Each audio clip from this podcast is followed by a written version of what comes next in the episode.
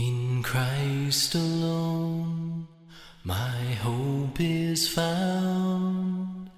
He is my light, my strength, my song.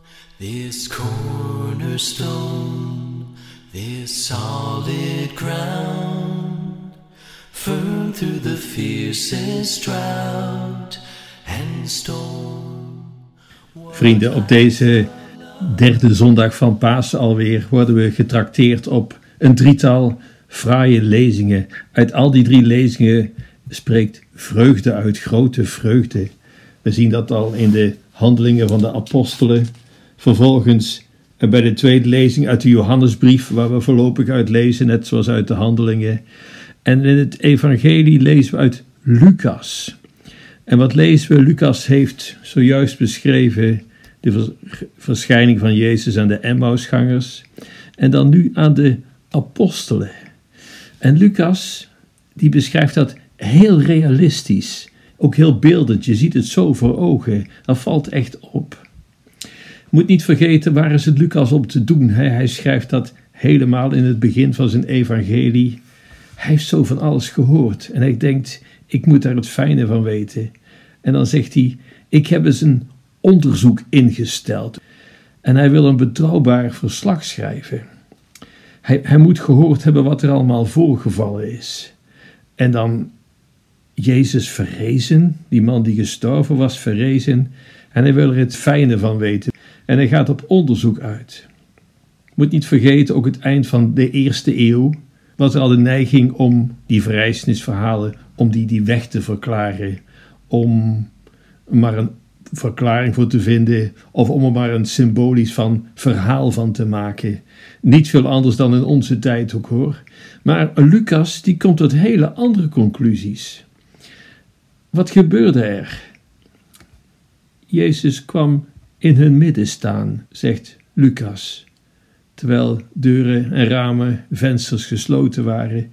En wat is de reactie van de apostelen? Niet mooi, niet prachtig, van hé, hey, fijn, Nee, integendeel, doodsangst. Ze menen een geest, een spook te zien. Dat, dat, maakt het alleen maar des te reëler en betrouwbaarder wat Lucas schrijft, want dat lijkt me een normale reactie als iemand gestorven is en je ziet hem weer terug. Ik, ik heb dat zelf ooit een keer meegemaakt. Ik was naar een ziekenhuis een zieke bezoeken. Ik vroeg naar het kamernummer en um, bij de receptie uit de reactie begreep ik dat uh, de parochiaan overleden was. Toch maar naar de kamer gegaan om een weesje groetje te bidden. En ik was daar en na één minuut doet de parochiaan ineens de ogen open.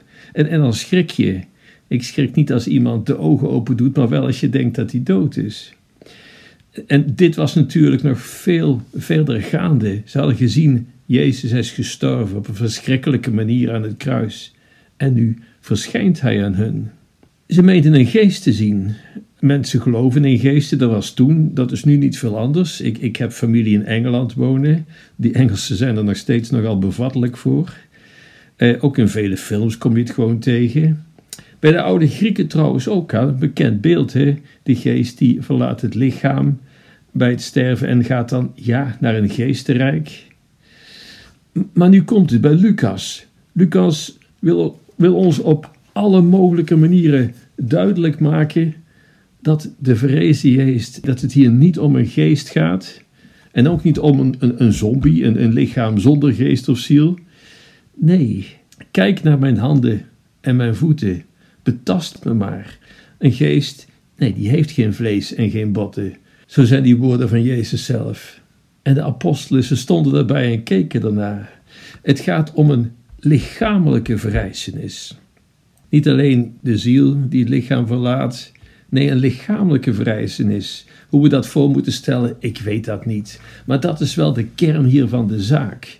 Het is, het is ook een, een, een transformatie. We hadden al eerder de transfiguratie halverwege de vaste.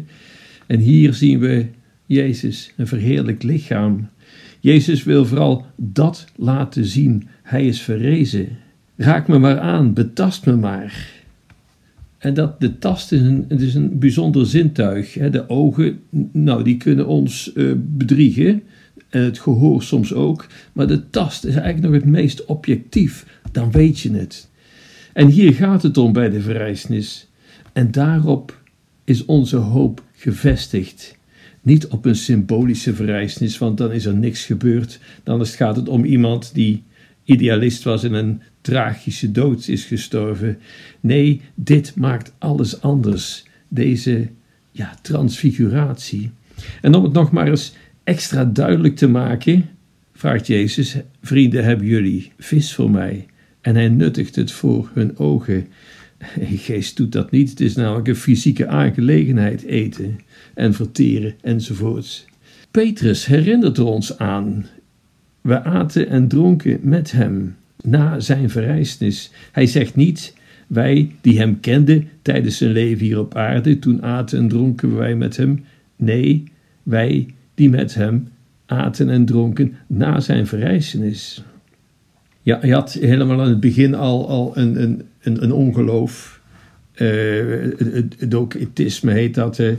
Dat wil eigenlijk zeggen, Jezus, nou ja, die leek alleen maar een menselijke gestalte te hebben, maar het was God, maar mens was hij niet. Maar Lucas, Lucas die maakt korte metten met deze theorie, wat we dan later een ketterij zijn gaan noemen. En uit zo'n onderzoek blijkt echt iets heel anders. Lichamelijk, jazeker, hij was wel degelijk mens. En dat lichaam dat werd gegezeld. Die Jezus, de mens Jezus, hij heeft verschrikkelijke pijnen geleden op het kruis. Maar het is ook die Jezus die tevens God is. En daarom is hij verrezen met een ja, getransfigureerd lichaam, hoe moet ik het noemen? Gedaanteverandering. He, in een andere gedaante, maar wel diezelfde mens Jezus. Er is nog iets. Lucas maakt nog iets duidelijk. Er is een link tussen enerzijds de vrijsnis en de vergeving van zonde. Een link tussen de vrijsnis en bekering. Hoe werkt dat dan? Uh, bekeert u hè, en gelooft in het evangelie. Metanoia zeggen ze in het Grieks. Dan ben ik niet zo goed in het Grieks, maar dit weet ik dan wel. Metanoia is, um, ja, in het Engels zeggen ze go beyond the mind of yourself. Hoe zeg je dat in het Nederlands? Een nieuwe manier van denken. Kijk eens vanuit een heel ander perspectief naar het leven. Wat, wat wil God voor ons? Niet de dood, maar het leven, dat kennen we. Dat is ook zo, het volle leven. Niet de dood heeft het laatste woord. Nee, ga eens vanuit een heel ander perspectief leven. En nou komt het eigenlijk, leef niet meer met het idee dat de dood het eindpunt is. de, de dood is het einde en, en daarom beangstigt dat ons. We kennen de anekdote, er zijn slechts twee zekerheden in het leven, de dood en de belastingen. Maar toch, de Bijbel zegt iets heel anders. Omdat we dat denken, is er ook die angst voor het dood. En dat bepaalt eigenlijk voor een groot deel voor ons leven. Omdat ik eens dood ga, wil ik nu alles uit het leven halen. Omdat ik eens dood ga, nou ja, noem allemaal maar op. We verzekeren ons voor van alles en nog wat. Ik kijk dan eens naar die heiligen. Die wisten, nee, het is anders, het is anders. Die weten dat de dood niet het laatste is. En die maken zich dan ook over een heleboel dingen waar wij ons heel druk over maken. Daar maakten zij zich helemaal niet druk over. Wij maken ons druk over onze gezondheid en ons pensioen en over de verzekeringen en over de angst voor de dood. Is dat reëel? Zeker. Maar als je daardoor het leven laat bepalen, dan kom je wel in een heel klein gebiedje terecht. En het volle leven staat er echt heel vanaf. En die heilige, die namen het zoals het kwam. Verzekeringen, Moeder Teresa, Sint Franciscus, nooit van gehoord. Angst voor de dood, in het geheel niet. Dachten ze aan een pensioen, van oei oei, kan ik straks nog rondkomen? Never ever. En juist dat perspectief, dat andere perspectief, dat gaf hun die grote vrijheid. En dat gaf ook die levensvreugde. En een zekere onbekommerdheid. Niet dat er niks is om je zorgen over te maken, dat, dat is er altijd wel. Maar er is nooit, maar dan ook nooit, reden tot wanhoop. Want God is God en die gunt ons het volle leven. Die metanoia, die bekering, verandert de manier waarop je in het leven staat. Maak korte metten met zondigheid. Die, die, die link tussen anders gaan leven en de zondigheid. Dat heeft met elkaar te maken. Die bekering, ga anders in het leven staan. En dan wil je ook korte metten maken met die onhebbelijkheden die we hebben, met die ongeordendheden. Want dan ga je anders in het leven staan en dan denk je, ontdek je de vreugde van die vergeving. Je moet niet vergeten, Jezus verscheen aan hun. En het laatste wat die leerlingen zelf weten, die apostel is, ze hadden hem in de steek gelaten, ze hadden hem verraden, ze hadden hem verlogend. En als je kijkt naar mythische verhalen of, al, of films of boeken, ja, degene die verraden is en die keert terug, wat doet hij doorgaans? Die komt met een ongelofelijke wraakactie. Maar niet van dit alles. Vrede zij u. Dat zijn die woorden van Jezus. Vrede zij u. Hij wist, ze hebben spijt, ze vragen om vergeving. Dat bleek overal uit. En dan ook, vrede zij u. Denk er eens over na. Overal, over u en ook over mijn zonde. zijn altijd, bijna altijd het gevolg van angst voor de dood. Maar het kan anders. Treed in Jezus' voetstappen. We herinneren het ons nog van Witte Donderdag. Ik heb je een voorbeeld gegeven opdat gij het zoudt navolgen. De navolging van Christus. Vrede zij u, werkelijke vergeving, het mooiste gevoel dat u zich maar kunt indenken.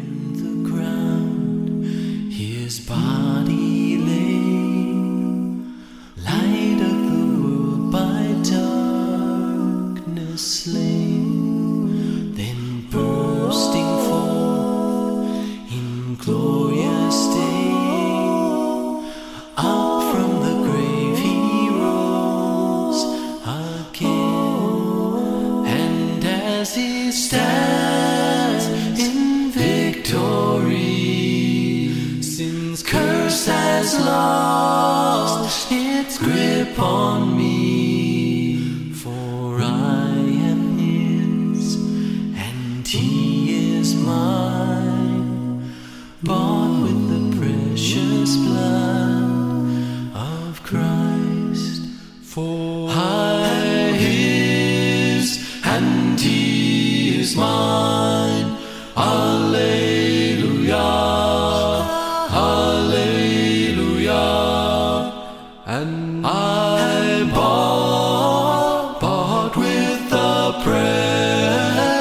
Precious blood of Christ. Hallelujah.